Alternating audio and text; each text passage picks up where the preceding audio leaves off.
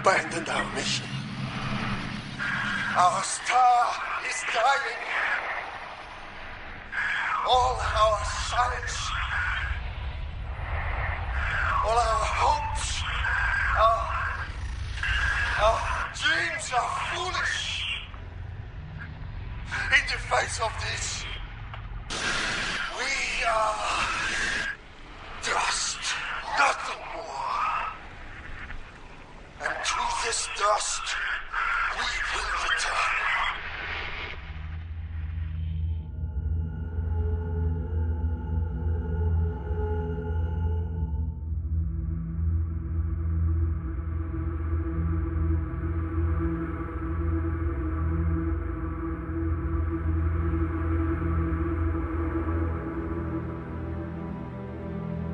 Regisserad av Danny Boyle. Skriven av Alex Garland. I rollerna har vi bland annat Cliff Curtis, Killian Murphy, Michelle Yeoh, Hiroyuki Sanada, Benedict Wong och Chris Evans. Filmen är en timme och 47 minuter lång, hade en budget på 40 miljoner dollar och vann priset för bästa film på British Independent Film Award år 2007. Idag ska vi prata om Sunshine.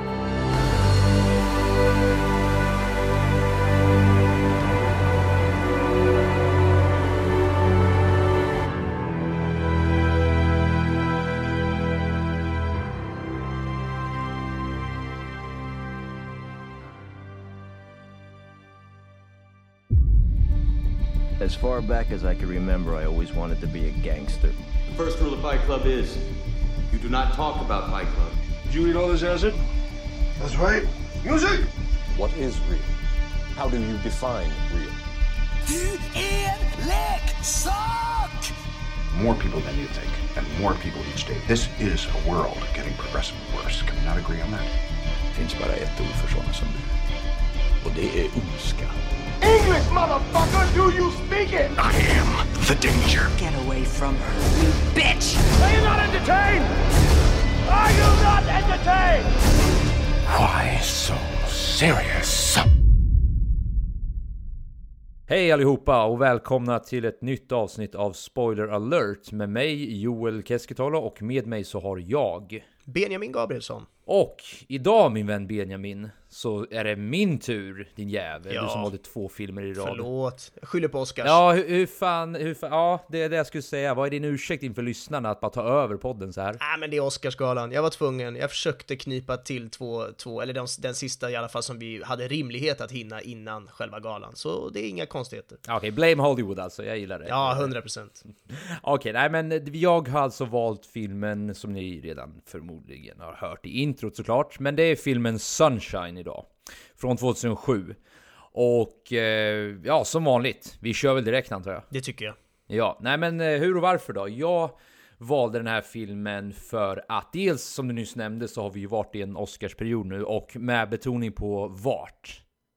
Det vill säga att ja, vi är lite, vi tar oss ur den nu med tanke på att ja, när det här avsnittet är släppt så har ju redan Oscarsvinnarna eh, presenterats. Ja. Så vi är ju då officiellt ute ur den här perioden. Så jag tänkte, ja men vi slänger in en lite äldre film då i alla fall.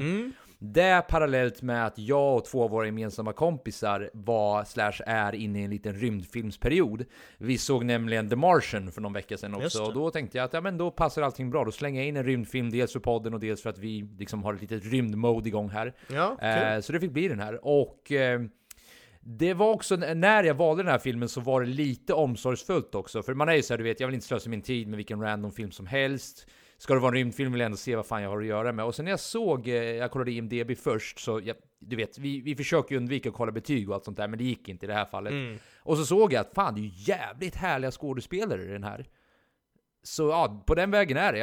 Alla de här faktorerna tillsammans gjorde att det fick fan bli den här den här veckan. Ja, men vad roligt. Varför inte, känner jag. Eh, kul med lite variation. Nu har vi nästan bara kört 2018 års filmer nu i flera, flera, flera månader, så det är härligt tycker jag. Ja, Vad, eh, ja, ska du, när du ändå är på G, kör, kör. vad tyckte du spontant om filmen? Nej men alltså jag, jag skulle faktiskt, jag kommer nog snabbt passa tillbaka frågan för jag, jag, jag är Okej. så jävla bias redan från början just för att jag är en sucker för filmer. så jag låter dig börja ärligt talat. Jag passar snabbt tillbaka bollen så dina spontana tankar min vän. Ja, men eh, jag spontant gillade jag verkligen konceptet, i alla fall på förhand, och liksom det här med, med solen och rymden och, och liksom att solen håller på att dö och vi, vi ska som mänsklighet försöka återuppliva den med någon slags Armageddon-liknande koncept där vi ska spränga, eh, ja, jag tyckte verkligen att det var eh, eh, nice på förhand. Men tyvärr så tyckte jag inte att filmen i sig levde upp till, till min lilla eh, rymd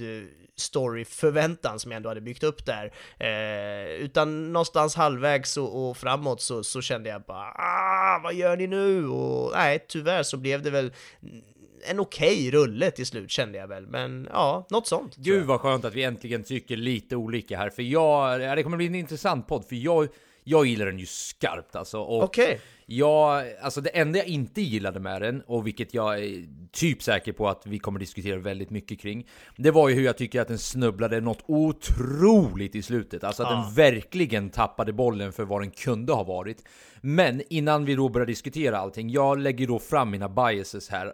Otroligt rymdintresserad slash fascinerad och en väldigt sucker för de filmerna generellt alltså, så jag kanske är lite blindad av det.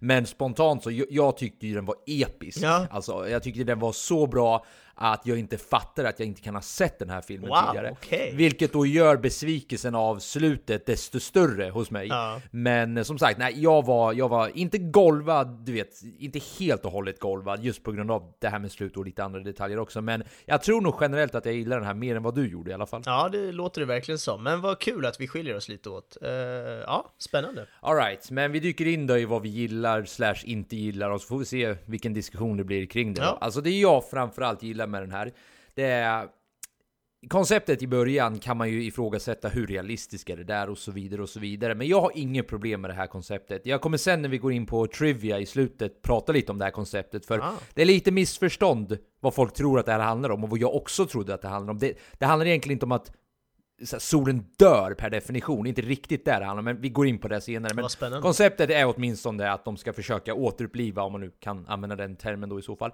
Så om, om man bara accepterar den premissen så är vi liksom redo, att, då, då kör vi.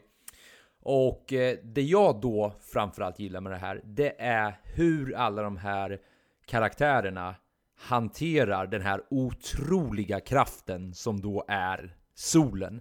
Alltså den psykologiska aspekten i att möta någonting så episkt, någonting så spirituellt, någonting så vetenskapligt omöjligt och någonting så existentiellt som solen presenterar här.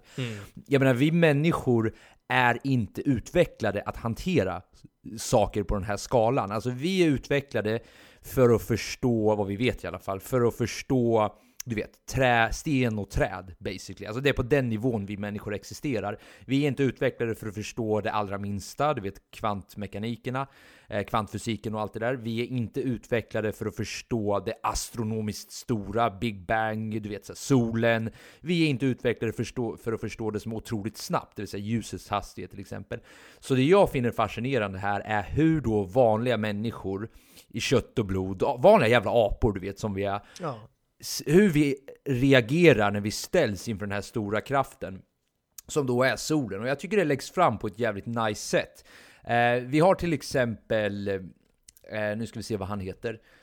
Han heter så mycket som Robert Kappa, det vill säga fysikern i gänget, som pratar väldigt mycket om drömmarna han har. Det är alltså Killian Murphy, va? Ja, precis. Killian Murphys karaktär. Bra, bara för att förtydliga både för mig och för lyssnarna. Framförallt Yes. för mig. Eh, och han pratar med, eh, jag tror han heter Cora- Corazon i filmen. Det Corazon. Michel Corazon. Eh, spansk. Det vill säga Michelle Yeos karaktär. Och de Ja. pratar båda om, du vet, de enda drömmarna de kan ha, det är om, om solen. Mm. Eh, så vi har diskussioner där kring. Vi har också Eh, alltså den uppenbara karaktären här med en stor connection till solen är ju Searle, det vill säga Cliff Curtis karaktär, som är ja, men nästan fanatiskt inställd till det här. Det är ju han som går till observationsrummet och han kan inte riktigt hålla sig. Han måste öka intensiteten på Ja, solen, för Mm. egentligen blockar ju det här observationsrummet ut den mesta av Ja, typ, kraften av typ solen. men- 97 eller 90, 98 procent eller något. Ja, något sånt där, precis. Han, han, han ökar liksom bara en procent och han blir nästan Ja. liksom fried av, av skiten. Men han, han vill liksom komma så nära, för det är, det är den här spirituella kopplingen till, till solen. Så vi ser hans koppling till det här. Vi ser hur Kanade, Kanada menar jag, Mm, eh, kaptenen i skeppet, blir helt lamslagen av solen när han är, du vet, på utsidan av skeppet och ska försöka reparera allting. Och då, samma då Searle som jag nyss nämnde, som frågar honom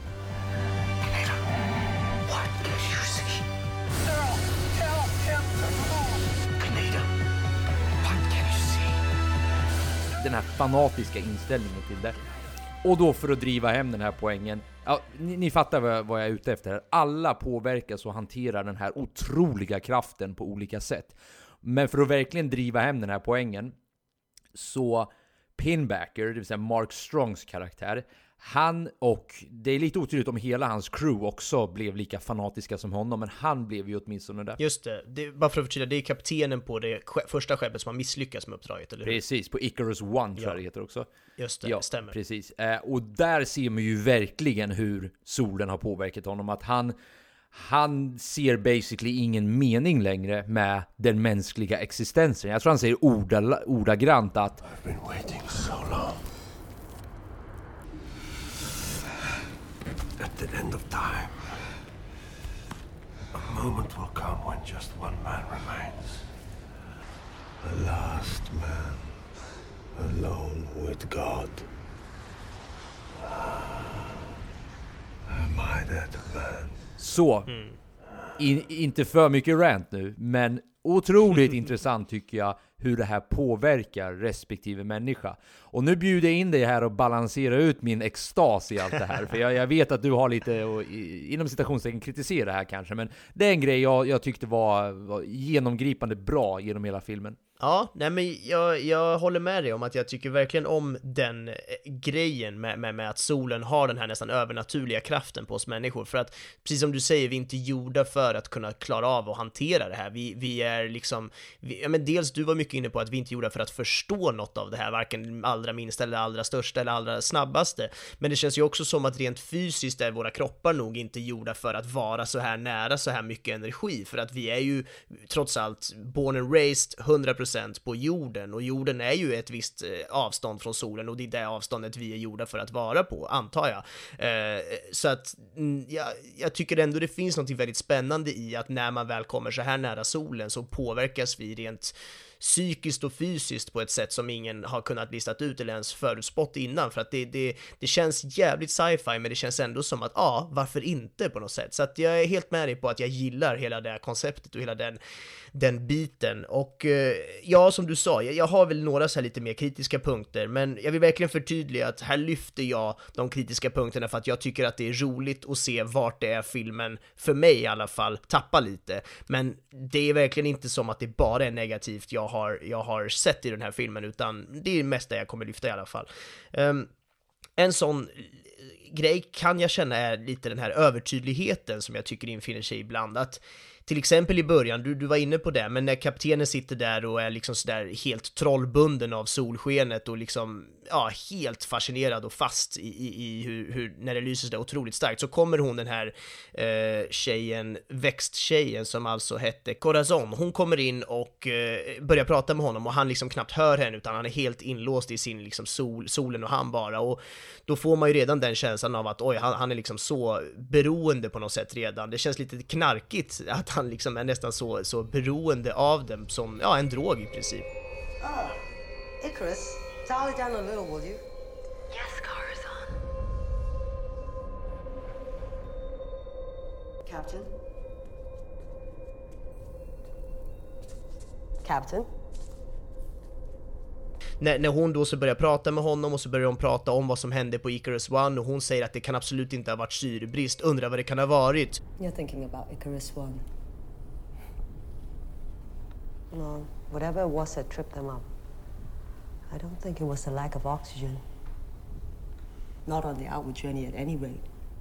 Och så tittar de båda framåt mot solen och sen så åker kameran emellan dem mot solen långsamt och det är bara solen i bild i princip. Och då känner jag så här: okej, okay, we get it. Det är någonting med solen som är det här stora starka som, som påverkar folk på, på, på ett eh, mystiskt sätt som kanske också har gjort att det andra eh, uppdraget har gått åt helvete. Och jag förstår liksom principen med att vi ska visa att det här, vi ska inte visa att det här är det som är, men vi ska ändå ge en hint om det. Men jag kan nästan tycka att hintarna blev lite för, för tydliga på något sätt. Men det kanske bara är jag. Men... Jag, jag skulle bara vilja ställa en fråga till dig angående just den här punkten, och jag vet inte alls, alltså, det är därför jag vill fråga dig om det. Ja. Tror du att det här kan vara en del Tror du att det här kan ha någonting att göra med, med att den här filmen var gjord 2007 istället för att vara gjord 2017? Eller har det ingen betydelse tror du? Nej, jag tror absolut att det där kan ha betydelse. Jag vet att när jag pratar om, om ja men vi diskuterar och analyserar film mycket i plugget och så man pratar med andra väldigt filmintresserade människor där jag framstår som någon nästan ovetandes jämfört med vad många kan om film, då pratar man ofta så tycker folk att man ska, det ska liksom inte spela någon roll, film är film och man ska kunna prata om det från vilket årtal det än är, man ska kunna jämföra en film från 50-talet med en film som kom 2018 och så vidare. Jag personligen tillhör den typen, alltså jag tycker att det är stor skillnad på hur filmer görs under vilka årtionden de görs. Och från 2007 till 2017 nu som du nämnde, det är tio år emellan och det är absolut att det kan bero på det. Absolut att det kan vara så att man gör saker mindre tydliga idag än vad man gjorde då och eh, absolut att man berättar på andra sätt och man använder andra medel och andra eh, ja, sätt att liksom förklara en ledtråd på i en film. Så att det kan absolut spela roll och det är bra att du tar upp den poängen för att det, det, det, det kan det verkligen vara. Ja, för man, man skulle kunna tänka så här också att, eh, och det här är bara en liten instick, jag vet ärligt talat inte hur det är, men det kan vara en intressant eh, tankegång bara. Alex Garland som har skrivit den här filmen, ja. han har ju också skrivit Annihilation, och mm. den tycker ju inte jag lider av de här, att den är ju väldigt, den håller ju sig konsekvent väldigt mystisk och inte alls, eller jag vet inte om du håller med mig heller inte, men jag håller med dig. den tycker jag ju inte faller för de här övertydligheterna, utan där är det snarare tvärtom. Där är det bara what the fuck, nu, nu är det lite för otydligt här nästan. Ja. Och jag menar, Alex Garland skrev den här 2007, eller om han nu skrev den 2006, och jag menar, han skrev Annihilation då 2017-18, så han som, som manusförfattare lär ju utveckla sitt tänk också. Nu, nu kanske jag, du vet, fiskar i allt för djupt vatten här, men det var lite tankar jag bollar. Nej men jag tycker det är jättebra fiskande och det, det är verkligen det som jag, jag är inne på, att det är det är dels att det skiljer tio år däremellan på hur man gör film, men det är precis som du säger, det är samma person. Det kanske också är hans personliga utveckling, hur han har insett att okej, okay, men om jag gör film lite mer så här nu, okej, okay, jag har redan gjort det på det där sättet, nu testar jag att göra så här, eller okej, okay, jag märkte att det där inte gick på det. Alltså, ja, helt enkelt personlig utveckling och personlig mognad, kanske, eh, från hans sida. Så att jag tycker absolut att det är eh, reasonable poäng du, du, du lyfter fram här, verkligen. Och eh, ja, men bara för att fortsätta på min lilla tes där då om, om att jag tycker att det kan vara lite övertydligt. Bara ett par minuter efter den här scenen när de sitter i, i det här rummet och eh, alltså kaptenen och hon eh,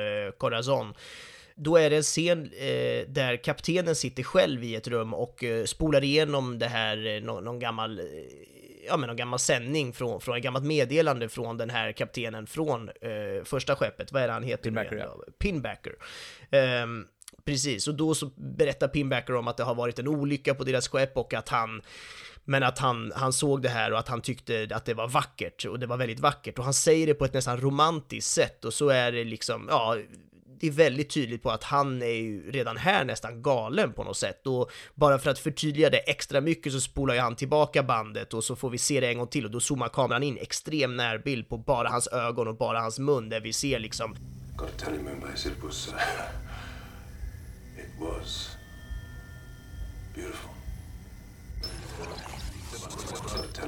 was it was. Uh, it was beautiful. Och sen en liten närbild på, på han då, kaptenen på det här skeppet som kollar på det här meddelandet och liksom, då ser man på hans den här sökande blicken att det är någonting mer bakom det här. Och ja, återigen, jag känner bara att det det är lite, lite, lite för tydligt. Men absolut, det kanske var mer rimligt att göra det här 2007. Jag kanske tycker att det är lite övertydligt för att jag är van med filmer idag och så gör man inte riktigt på det här sättet. Så att det, det kan vara vad det är. Men jag tycker ändå att det är värt att lyfta vad jag personligen tyckte om de här scenerna i alla Ja, fall. men jag är ju benägen att hålla, även fast jag tror inte att jag disliked det riktigt i samma grad som du gjorde, så ser jag ju ändå vad du ser här. Alltså det hade ju varit på något sätt ännu bättre om det här hade varit mycket mer subtilt på något sätt. Hänger du med? Att man, man Ja. knappt fick se vem den här Pinbacker var. Du vet, man fick höra lite, lite del... Jag jämför det här lite med Interstellar, hur de valde att dölja en av Ja. karaktärerna där. Jag ska inte säga för mycket här nu, men det är en karaktär som nämns under vissa tillfällen och sen BOOM! Mm. Och man är helt oförberedd på vem den här karaktären sen är. Och det är så här, wow, okej, nu blir man golvad av det här. Det, man kände sig ju inte riktigt så golvad när den här upptäckten gjordes, vad som hade hänt med den här besättningen, utan de hade ju nästan byggt upp det på det här sättet och det kanske hade varit bättre om det var lite mer, ja men lite mer hemligt på något sätt, så Ja. att det blev lite mer av en punchline när det väl hände. Precis så känner jag och det är därför jag tar upp de här grejerna, för jag tycker verkligen att det blev, ja men jag redan efter 10 minuter in i filmen, det är ganska exakt 10 minuter som det här lilla mötet med kaptenen sker och, och, och det, ja, de här scenerna jag precis har pratat om. Och då redan där har jag ju förstått att okej, någonting gör en nästan psykiskt sjuk av den här solen och någon kommer förstöra hela det här uppdraget på grund av att den blir, solen tar över den personligheten. Det, liksom, redan det har jag nästan gissat då efter 10 minuter in och det känns synd för det hade man ju kunnat lägga fram på ett annat sätt och gjort mig mer överraskad senare i filmen, precis som du är inne på. Och intressant att du säger det här med Interstellar för jag tycker det finns mycket likheter med den filmen och det tänker jag jag kommer in på lite senare så jag spar den grejen. Eftersom ben, Benji är så jävla negativ och hatade den här filmen så får Mm. jag börja lyfta upp den lite. Hata är väl ett väldigt starkt ord. Hatade med stort H. Jag har aldrig, jag har aldrig någonsin hört dig hata. Nej jag skojar bara. Nej men jag, skulle, jag, jag vill lyfta upp lite mer. Jag segwayar lite från det här jag sa med den psykologiska påverkan på de här karaktärerna och går snarare direkt till karaktärerna. För jag diggade också karaktärerna väldigt mycket och lite har att göra med att det här är ju ganska, eller väldigt kända karaktärer idag. Men som troligtvis inte var lika kända år 2007 och det var på något sätt häftigt att få en liten tillbakablick över vilka de var då. Jag menar Cliff Curtis, Chris Evans, Killian Murphy till exempel, sådana som är så här, åtminstone Killian Murphy och Chris Evans är ju alltså storstjärnor idag, de är ju massiva. De, de, som sagt, de var säkert stora då också, men jag har en annan sorts koppling till dem idag än vad jag hade då. Jag kände ju knappt till dem då liksom, så det var en härlig ensemble från början tycker jag. Sen gillade jag karaktärerna väldigt mycket också. Jag tyckte väldigt mycket om, speciellt Chris Evans karaktär. Det är en scen då de pratar om du vet, alltså, för det- det jag tänker många gånger när jag ser sådana här filmer som handlar om så här storslagna du vet, uppdrag där ibland hela världen står på spel, vilket det bokstavligt talat gör i det här fallet. Ja. Då kan jag sakna the voice of reason många gånger. Alltså jag kan sakna många gånger någon som säger bara Hörni lyssna. Fuck allt ni tror spelar roll. Ni, ni måste greppa här vad det är vi håller på med. Ni, ni kan liksom babbla mycket om känslor hit, känslor dit, kärlek dit, kärlek hit. Hela världen står på spel. Ja. Glöm all den där bullshiten och fokusera på ert uppdrag. Eller vårt uppdrag. Och äntligen så var det en voice of reason med i det här gänget. Chris Evans karaktär som bara säger Do I have to spell it out for you? We have a payload to deliver to the heart of our nearest star. We're delivering that payload because that star is dying, and if it dies, we die. Everything dies. So that is our mission. There is nothing, literally, nothing more important than completing our mission. End of story. Jag fick gåshud när jag hörde det, för det var äntligen någon som bara sa till dem att lyssna, fokusera på vad vi håller på med för fan. Och jag gillar också dynamiken mellan karaktärerna, speciellt Killian Murphy och Chris Evans. Det var till exempel en scen som, eh, du vet, det- börjar ju med att de bråkar ju med varandra på grund av att, eh, jag tror att Killian Murphys karaktär har spelat in film lite för länge som har gjort att de har passerat någon speciell zon som gör att eh, Chris Evans karaktär då, Mace, inte kan skicka hem meddelande till ja, hans nära och kära. Ja, eh, det. vilket får han att Mm. flippa. Och sen när han ska säga förlåt då, alltså när de ska be om ursäkt till varandra, går han fram till honom, du vet, Robert Capa, Killian Murphys karaktär, börjar med att säga du, alltså förlåt, och han säger nej nej nej, det är jag som ber om ursäkt här nu, okej? Han bara okej, kör. Was that the apology? Ja, yeah. okej, okay, consider it Så går han. Sen går han bara, han är helt tyst alltså. Ja. vet, det tar emot så mycket. Och det där vittnar för mig är att de har bott med varandra så pass tätt inpå och så pass länge med varandra att de har nästan blivit som en familj. Mm. Hänger du med? Så, så det där är liksom så bröder, du vet syskonkäbbel Ja, liksom. Och då är det den sortens dynamik mellan dem. Och jag tyckte det var väldigt snyggt hur de, eh, ja, hur nästan samtliga karaktärer hade den här dynamiken eh, mellan dem. Ja, verkligen. Jag, jag håller absolut med dig om att karaktärerna, det, känns verkligen som en familj och det, det är på något sätt det som gör att, eh, ja men det blir ändå härligt att kolla på, det blir underhållande. Det hade varit en faktiskt rent ut sagt dålig film om inte de där relationerna hade fungerat. Nu funkar tack vare, eller tack och lov dem, så att det fick i alla fall mig att känna att ja men här, härligt, det finns någonting att luta mig tillbaka på. Oj vad det låter som att jag hatar den här filmen nu känner jag. Alltså jag vill precis säga det, jag säger ju det hörni, hör ni kära Men det lyssnare? är Han hatar rymdfilmer jag ska berätta- generellt, rymdfilmer generellt. Nej, inte alls! Men rymdfilmer som gör någonting, jag ska komma till det nu också, varför jag har svårt med det här, men det är när man målar upp någonting som att det här är eh, forskningsenligt, det här är liksom seriöst, det här är, nu är vi ute i rymden och nu är vi på väg mot solen och den håller på att dö, eller kanske inte håller på att dö vad, vad, vad du nu nämnde, men det, jag har fått för mig att den, den mår Ja, dåligt. vi, vi kan, förlåt om jag avbryter det här nu, men vi kan ändå använda den terminologin. Jag, det var inte min mening att throw off, eh, alltså att eh, du vet, försöka förvirra det, utan jag kommer gå in lite djupare på vad det handlar om. Men for all intents and purposes så kan vi säga att den håller på att dö. Okej, vad bra. Så att det, ja men så här, solen håller på att dö och människan ska åka dit och, och, och rädda den och det är ett jätteavancerat rymdskepp och de är superduktiga på sina jobb och allting är bara så här: okej, det här är seriöst på riktigt. Det, det, nu har vi målat upp den bilden för mig att det här är fucking science och det måste bli rätt om det ska gå.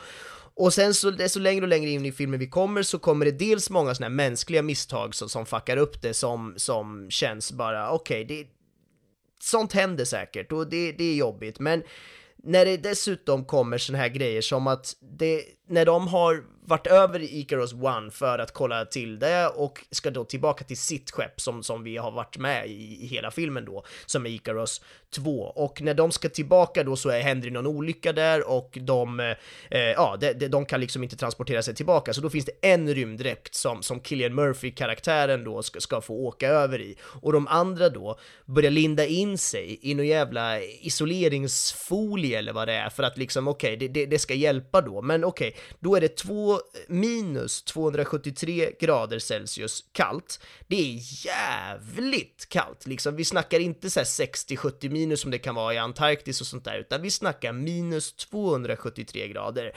Men det är inte allt. Utan det här är ju inte en kall frys eller en kall eh, öken i Antarktis, utan det här är rymden. Det vill säga, det finns inget syre, det finns inget, eh, ingen luft, alltså det finns ingenting, det är vakuum, det finns absolut ingenting. Det hjälper inte att linda in dig i någon jävla folie för att du ska klara en sån här grej. Så när de sen lindar in sig i det här och börjar åka ut de är ju visserligen bara ute en kort stund, men det spelar ingen roll, för det där tar ju en sekund så är det liksom, så är du drabbad. Det vill säga att de ska resa ungefär 20 meter i, i de här folie... jävla, jävla mumiedräkterna de har gjort av folie. Och, Ja, nej, men där tappar jag ju hoppet på hela filmen. Vad håller ni på med? Varför ska de ut i det där? Kunde det inte ha funnits fler dräkter där? Eller kunde de inte ha dragit lott av vem som skulle följa med? Ni kunde, det fanns liksom 50 olika sätt man hade kunnat lösa det på, förutom att de skulle linda in sin jävla folie för att klara det. Den ena snubben, han, han står ju i någon kant där och åker iväg. Han hinner liksom snurra av sig en del av det där foliet i rymden och titta runt och ta ett andetag innan han liksom blir, blir till is. Och, och, den andra snubben, han kommer ju faktiskt in i skeppet med Killian Murphy och de andra som är kvar där inne och tar av sig det här foliet och visar sig att hans hand har blivit frysskadad typ och sen är han liksom lite kall. Nej men vad fan, Joel, vad, du som kan mer än vad jag kan om rymden, känns det där legit? Känns det där troligt? Jag var ju i rymden då förra veckan, så jag menar, jag, jag hade tänkt att testa det, men du vet... Ah, hade du på det direkt? Jag pallar inte, vet du. Jag gled runt där, du vet, jag chillade base lite, glodde på lite Game of Thrones. Nej, jag skojar. Alltså grejen är att jag vet ärligt talat inte. Jag, jag tror som sagt att här skiljer vi oss också lite åt. Att jag, jag köper allting du säger, och jag är inte här, jag kommer inte argumentera emot allting du säger. För mig var det snarare en detalj som jag Oh, oh. Jag, jag, tror att det var nog bra att jag la upp mina biases redan innan filmen, för jag blir lite blindad ja. av mina biases. Som man blir av sina biases. Alltså, så är det ju. Jag har för övrigt inget bra svenskt ord för det. Så om någon kan komma på det får ni gärna partisk skriva. är väl det bästa. Ja, partisk tror jag är det bästa ordet. Jag är ju väldigt partisk mot just rymdfilmer. Jag tycker väldigt mycket om dem. Så jag, när jag väljer att zooma in på helheten av allting, det, det, det, episka och allting, då är det lätt för mig att missa sådana Ja. detaljer. Men ju mer du pratar, desto mer kan jag ju inte motstå och hålla med dig. Och Alltså ja, du fick mig ju att tycka att det är ju rätt löjligt om jag ska vara helt ärlig. Ja, ja Det alltså, är jag håller med dig. löjligt. jag kan inte, alltså för mig är det tvärtom, för jag är inte alls lika partisk som du till att börja med, men jag är också sådär att har ni målat upp ett koncept som ska vara liksom verklighet, det ska vara forskning, det ska vara nu är vi på väg mot solen med ett superavancerat skepp och hela den här biten, då måste ni ju hålla den grejen konsekvent. Helt plötsligt kan ingen gå runt i någon jävla hemmagjord foliedräkt i rymden. Det funkar inte. Då, då är jag nära på att stänga av. Jag blir så jävla lack på, på vart filmen håller på med då. Och det är inte heller så att det är bärande för själva filmens story att den där scenen måste vara med. Det fanns tusen andra sätt att lösa den på, så att nej, där känner jag bara, gör om, gör rätt. Det där, det där håller inte. Så det var ju från den punkten jag kände att nu går det ut för. Det var ungefär halvvägs in i filmen. Och efter det så kommer det ju, ja, det är hela Pinbacker-grejen mot slutet. Men jag tänker vi sparar lite den så får du, så får du eh, ta upp någonting annat här innan jag stänger av för att jag blir så upprörd. ja, men alltså, jag, jag vad heter relaterar ju till din upprördhet, för jag tror ju att mycket av det här kommer ju från potentialen i eh, Ja, den här filmen hade. verkligen. Eh, och eh, även om jag inte håller med dig fullt ut i din kritik, så, så förstår jag den. Och eh, för att bygga på det, så jag, det, det jag fann mest eh, Alltså det jag tycker den totalt snubblade på mållinjen, det var ju att introducera den Ja, men den absolut värsta antagonisten Ja. jag någonsin har sett. Alltså jag ska inte, nu, nu, nu känner jag att jag smittas av din upprördhet och jag vill inte göra Det är det lika bra, samtidigt. för jag, jag kommer spä på det här där du säger det också. Så. Det jag tycker om... Det var hit jag ville komma nämligen. Det, det jag tycker om det här med pinbacker i slutet är, alltså jag var så jävla nöjd med att saker gick åt helvete på grund av mänskliga brister. Jag vet inte om du håller med mig här eller inte, men jag, jag var helt okej med att Trey, det vill säga Benedict Wongs karaktär, helt enkelt fuckade upp. Just det, ja. Eh, jag, jag köper det faktumet att hur fan kan man fucka upp, du vet de här är utvalda för det här uppdraget och så vidare och så vidare. Men jag påminner mig själv då om att det är fucking människor vi har att göra med. Det är fucking människor i en super high pressure situation. Du vet, eh, det där jag pratar om den psykologiska Ja. påverkan som solen troligtvis har, de driver varandra till vansinne, det är jävligt mycket faktorer.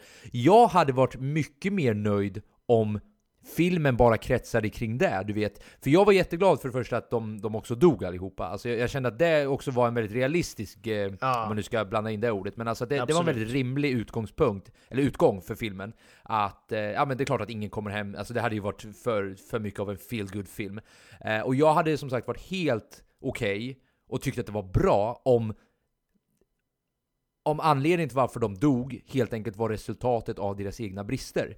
Och Ja. då känner ju jag att då slänga in en antagonist och blanda in allt vad det innebär.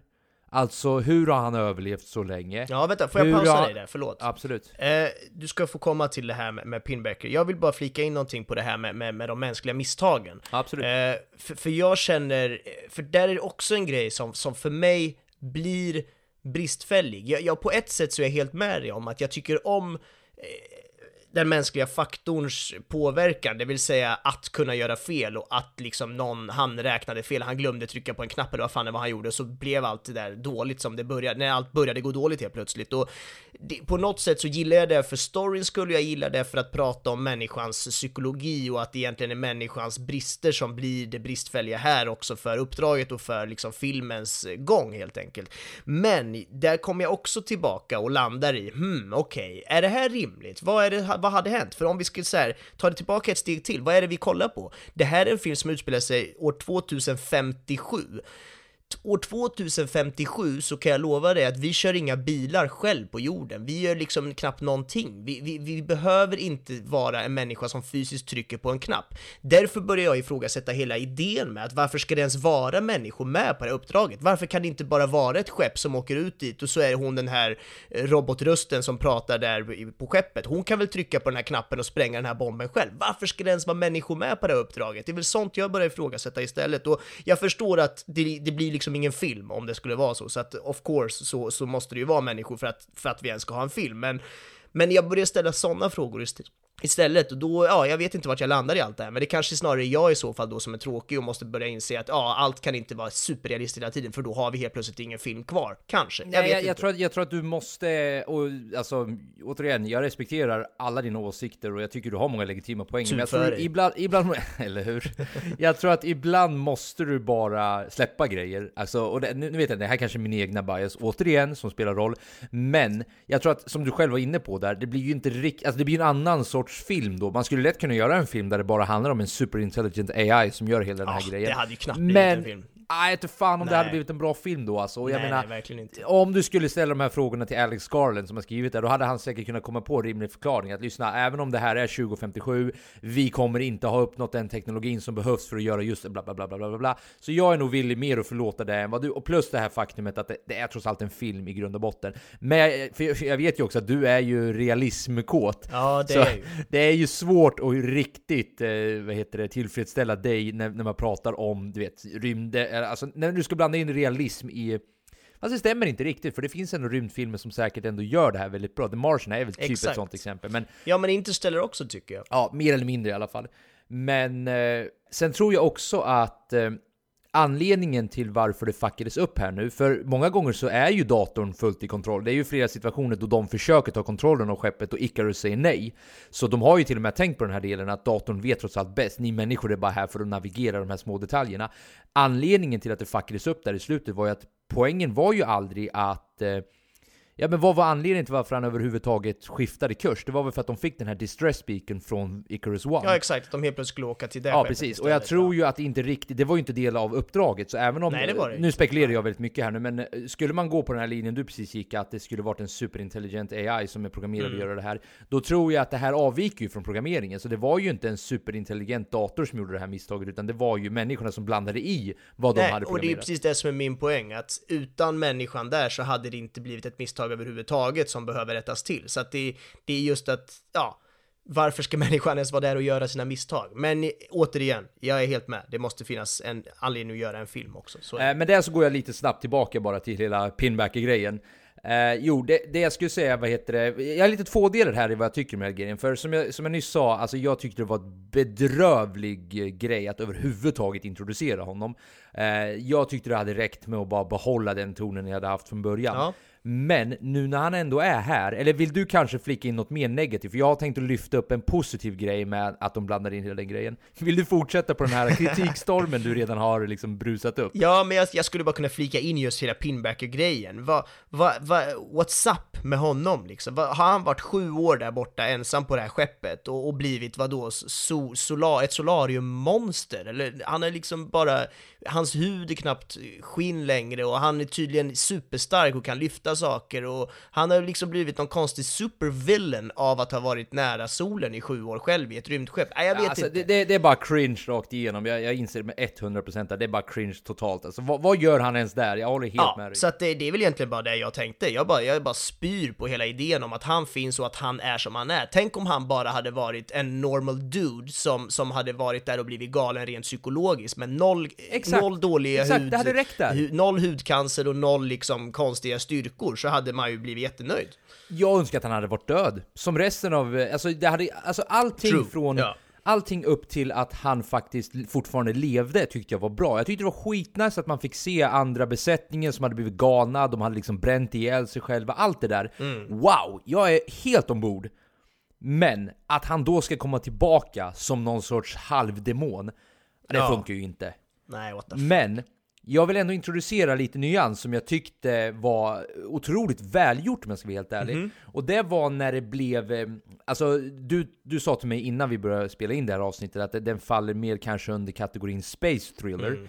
Men jag skulle vilja hävda att när vi kommer till den här pinbacker-grejen och egentligen börjar den här delen när vi kommer in på Icarus One så är det Space Horror snarare. Vi kommer liksom in Ja, i de ja. territorierna. Absolut. Och det jag tycker är otroligt välgjort där, det, för det första, jag vet inte om du la märke till det här för det är så jävla subtilt, men det är när de går på Icarus One, när Icarus 2-besättningen har åkt ner för att titta vad som har hänt, Mm. då flashar ju bilder hela tiden upp från... eh, Det, det, det, är, det är liksom en bild som flashar över hela skärmen Mm. på ett kort taget av Icarus 1 eh, besättningen. Ja. Vilket gör det extremt creepy redan från början. Bara, "Hör, shit, det här är ju liksom lite breaking the fourth wall här. Alltså de, de, alltså, de som är där nere i Icarus ser ju obviously inte det här. Så redan där har vi liksom en liten så här kuslig känsla när vi börjar steppa ner där. Ja. Och sen om jag som sagt, och glöm allt det här jag sa om Pinbacker nu, att du vet, vi är överens om att han har ingenting där att göra. Nej. Men om han nu ändå måste vara där, sättet de klippte honom på, det vill säga att man aldrig riktigt fick se honom, utan han var, gans, han var hela tiden väldigt otydlig, han var hela Ja. tiden väldigt kuslig och hela tiden ur fokus liksom. Det tyckte jag de nailade väldigt bra. Så det hade, just den delen vill jag på något sätt bevara som en egen grej och stoppa in det i space horror-genren och liksom ta de här idéerna och blåsa upp det här till någonting bra. Eh, det var lite som att den, den delen passade bara inte in här, men den delen i sig var väldigt bra tycker Mm. jag. Har, har du några tankar om just, den, just sättet de presenterar det här på? Ja, verkligen. Alltså jag håller med dig. Nej, Om vi tar bort allt negativt om att han finns så, så är ju verkligen det de har gjort av honom så, säga, tycker jag är fantastiskt. Och hela den, eh, ja men hela den delen när de är på det här skeppet och går runt där, för de klipper ju mellan olika scenarion, för de sprider ju ut sig och går till olika ställen och hur de klipper mellan de här olika scenarierna och att vi samtidigt får se de här snabba små flashens på, på, på olika sätt. Och det, de jobbar väldigt mycket med ett intensivt klippande som jag tyckte var väldigt eh, intressant, för det gav ju den här spänningen och, och mystiken, men också det här, eh, ja men nu vet vi inte alls vad som ska hända på något sätt. Även fast jag kände stora delar av filmen att ah, jag förstår precis vart det här är på väg, så var just sättet det var gjort på fick mig ändå att tvivla på min egen känsla och känna att vad fan, nu, nu jävlar, nu kan vad som helst hända. Så att nej, jag tycker verkligen att de gjorde det riktigt snyggt. Uh, jag tänkte ställa en liten fråga till dig som jag har svårt att förstå riktigt vad det är som händer här, men i slutet av filmen Eh, när de närmar sig liksom hela solens mittpunkt, och då, eller mittpunkt, de närmar sig solen överlag, och så då är det bara Robert Capa och Cassie kvar, och de eh, sitter där då på det här sto, i den här stora, stora salen med konstigt rutigt golv på något sätt och där så närmar de sig solen och de håller på, han ska liksom avfyra någon jävla bomb och vad är det egentligen som händer där? Är det någonting, jag får interstellar-vibbar nästan att de befinner sig på något sätt mellan tid och rum och jag vet inte, jag, jag, jag känner att jag inte riktigt förstår men jag tycker det var spännande. Vet du någonting som jag inte vet där, eller hur, hur tolkar du den scenen? Nej, alltså jag, jag tolkar För det första så är det ju lite av en foreshadowing inför det här. De nämner lite snabbt i början av filmen att eh, ja, det är så pass intensivt i ju närmare solens kärna du kommer att tid och rum böjs. Och eh, jag menar, det är lite som i, vad heter det?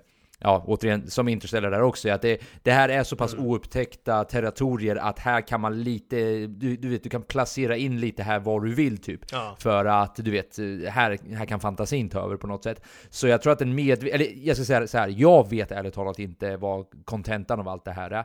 Jag tror ju att det medvetet lämnas lite öppet just för att vi är inte menade att veta det här. Mm. Det är också lite varför, du vet när han skriker eh, Kanada, what do you see, what do you see? Att han varken kan eller kanske vill återberätta vad han ser, men han ser ändå någonting, hänger du med? Det, Ja. han ser någonting som inte är menat för mänskliga ögon, vilket kanske är Gud då, om man nu väljer att göra den tolkningen liksom.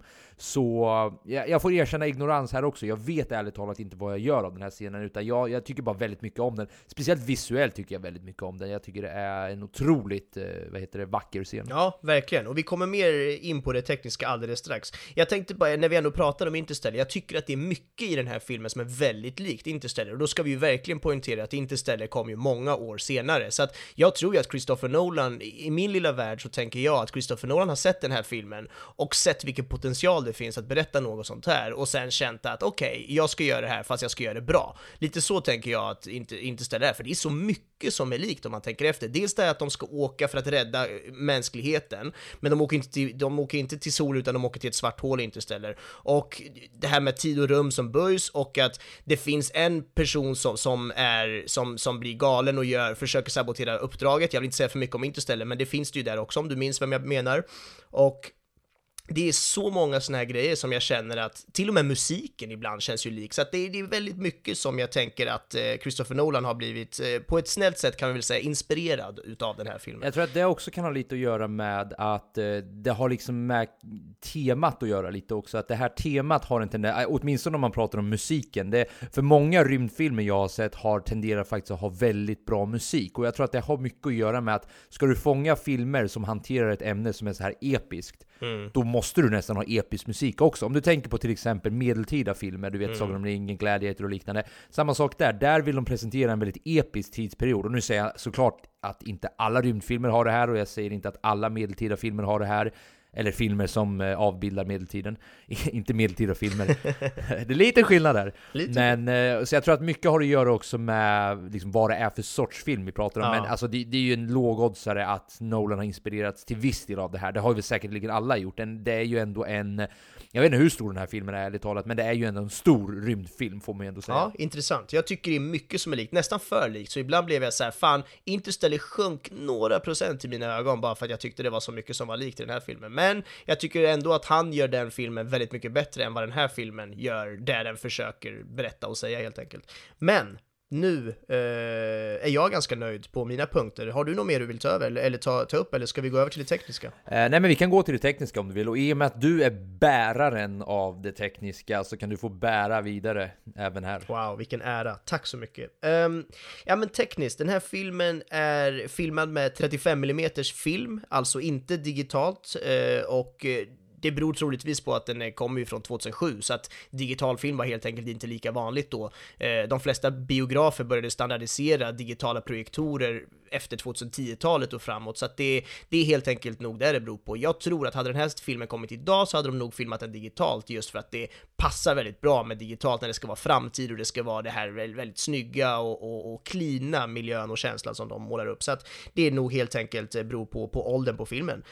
Men överlag då så tycker jag foto Tempot är inte jättemärkvärdigt. Det finns, eh, speciellt i andra delen, eh, andra halvan av filmen, så blir det lite mer eh, utmanande där de börjar vrida på kameran mer. De börjar även ta lite mer extrema närbilder på olika sätt och där kommer framförallt klippningen in som jag snuddade vid lite tidigare i podden men just att det är ett otroligt välarbetat klippjobb där, där de har extremt mycket snabba klipp fram och tillbaka. På vissa ställen är det dubbelexponeringar, vilket innebär att vi ser liksom flera bilder i bild samtidigt, olika moment som vi ser liksom i olika styrkor i bild. Så att det är väldigt så olika små knep för att göra det intensivt och häftigt och, och, och effektfullt när, när det ska vara stressade situationer. Så att det, jag tycker de har jobbat extremt bra med, med, med, med klippning och eh, hela den biten och tillsammans då med, med ljud och musik där de har ja, jobbat extremt mycket med de här tre. Klippning, ljud och musik som bara levererar. I, mot slutet så är det ju så intensivt att man ibland känner wow, alltså det, det är verkligen, där har de lyckats och det tyckte jag var härligt i en film där jag hittade mycket negativt så tyckte jag ändå att det var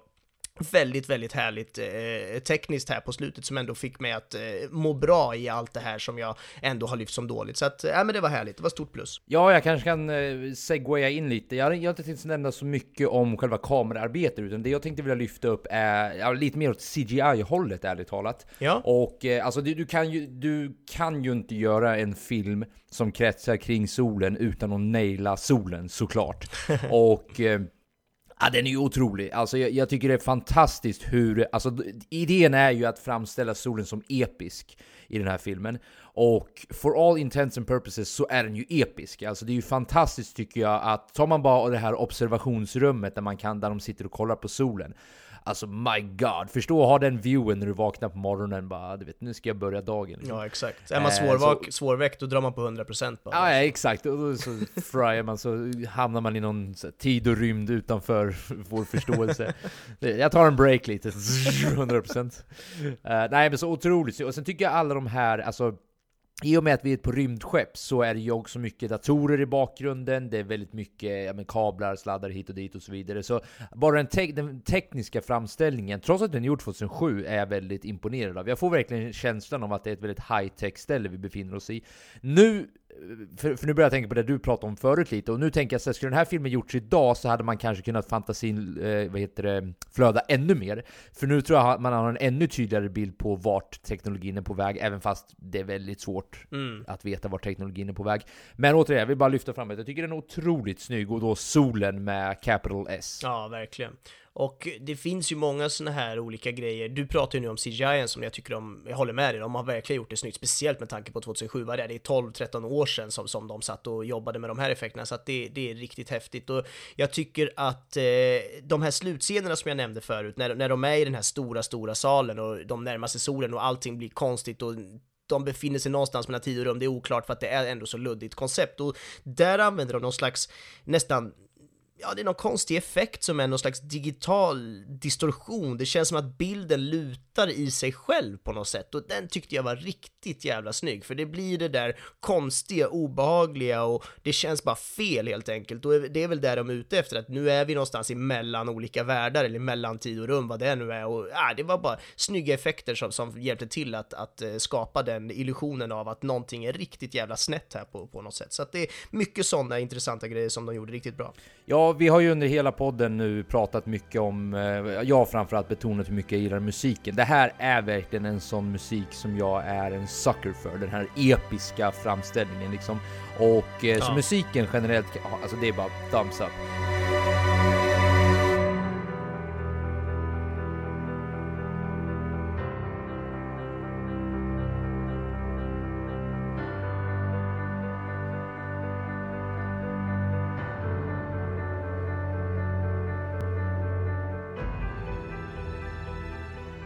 Men det jag också vill lyfta är ljudet generellt i den här filmen. Till exempel när Icarus One sänder iväg deras distress beacon.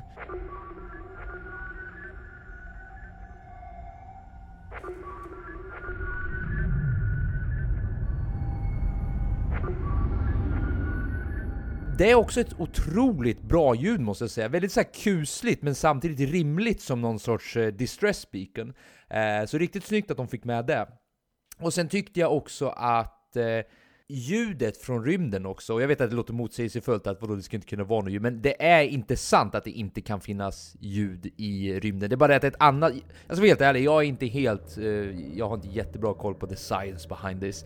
Men jag vet att det går att plocka upp ljud om du har vissa sorters instrument som konverterar bla bla bla. Ni får fan med googla om ni vill veta mer om det här.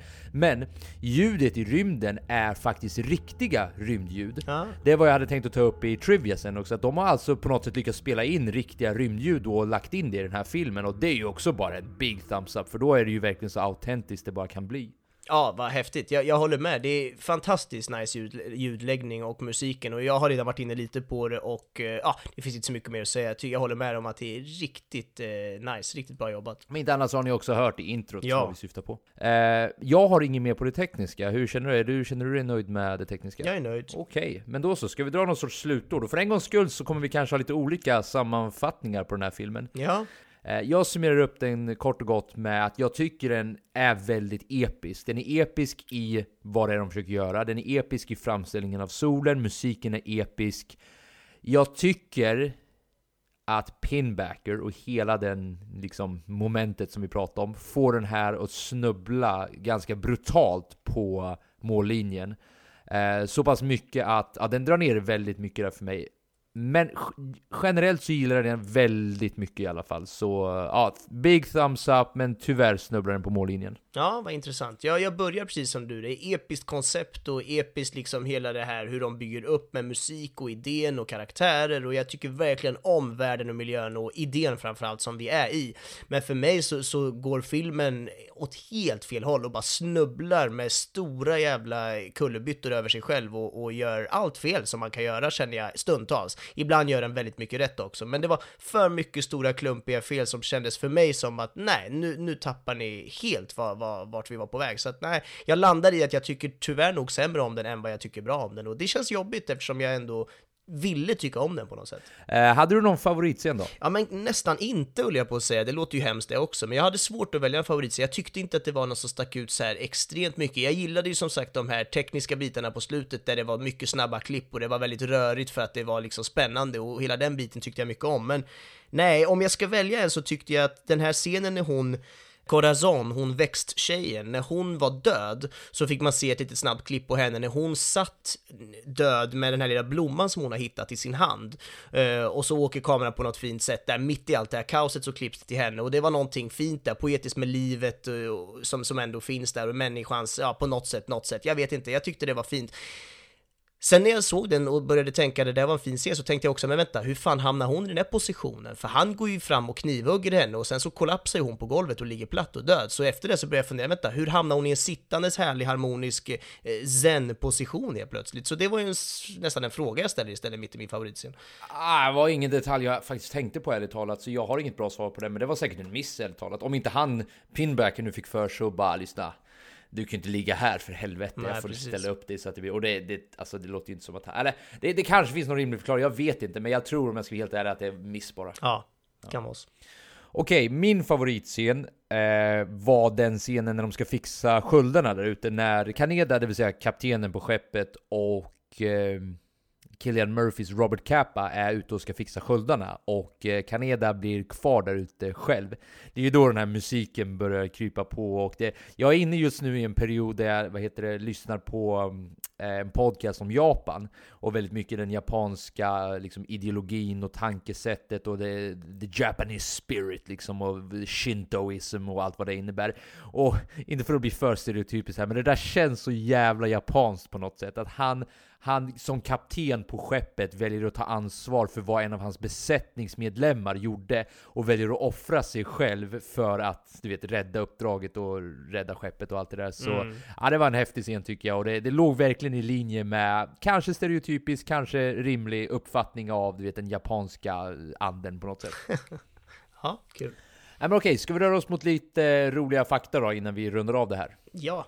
Eh, så, för det första då. Alla skådespelare var tvungna att leva med varandra, bo med varandra, alltså innan den här filmen då, eller under inspelningen, bara för att verkligen inviga den här känslan av ja, hur det är att bo med varandra helt enkelt. Eh, det är lite oklart hur länge de eh, bodde med varandra, men ja, det var åtminstone vad de behövde göra. Mm.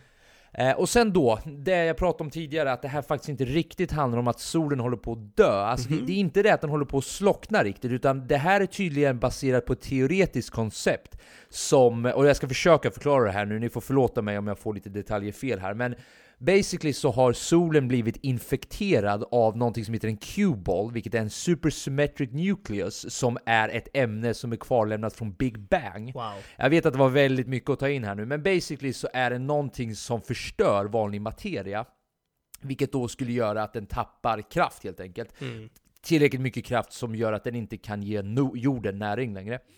Eh, Den här bomben som de här då ska leverera är alltså tänkt att förstöra just den här eh, Q-ballen som det då kallas. Eh, Ingenting som nämns i filmen, eh, i alla fall inte vidare detalj, jag minns inte att det nämndes, men ja, det är åtminstone vad det handlar om. Coolt. Eh, Danny Boyle, det vill säga regissören till den här filmen, tyckte att det var så utmattande att göra ett sci-fi projekt att han lovade sig själv att aldrig mer göra någon efter den här. eh, en annan rolig grej var att ett av de största utmaningarna för The Visual Effects Team var att skapa solen. Det gjordes ju då helt och hållet i CGI och det visade sig att det var den längsta CGI-sekvensen som London Production House någonsin har gjort tydligen. Eh, Jag vet ju inte, det här var ju som sagt 2007 så det har ju säkert, eh, ja, sen dess har det säkert varit mer ambitiösa projekt. Men det var åtminstone en stor utmaning. Wow, häftigt. Ja, den är ju väldigt snygg som du sa, så nice, bra jobbat. Eh, Kaneda, alltså kaptenen som jag precis pratade om, skulle egentligen ha varit en amerikan. Men eh, det var tydligen vetenskapsmän och eh, rymdexperter som övertalade Danny Boyle att han skulle ändra nationaliteten för att göra det här till ett mer internationellt uppdrag och då göra det mer realistiskt. Att det skulle inte vara den här du vet, klassiska att det är bara amerikaner som ska eh, utföra Ja. det här, utan det skulle vara lite mer realistiskt liksom. Coolt. Och så som jag nämnde tidigare att eh, de, eh, de eh, ljuden ni hör från rymden i den här filmen är alltså då riktiga ljud som fångades av Midwestern University. Och det inkorporerades då i, ja, i sound design, genom sounddesign-teamet. Jag har inte så många fler än så, det finns jättemycket mer roliga fakta och ni kan gå in på EMDB och söka upp Sunshine för att hitta dem. Härligt. Alright Benjamin, där tycker jag vi känner oss ganska nöjda. Ska vi eh, introducera nästa film eller? Det tycker jag. Och i och med att du var en D to the Ush, med stort D, och valde två filmer i rad, så är det ju min tur då att välja två filmer i rad. Ja. Och jag är ju då en D to the Ush tillbaka genom att snabbt som fan gå tillbaka till 2019-talet. Ja, nu var ju förvisso 2018 mest aktuellt innan, men jag, jag hoppar snabbt tillbaka till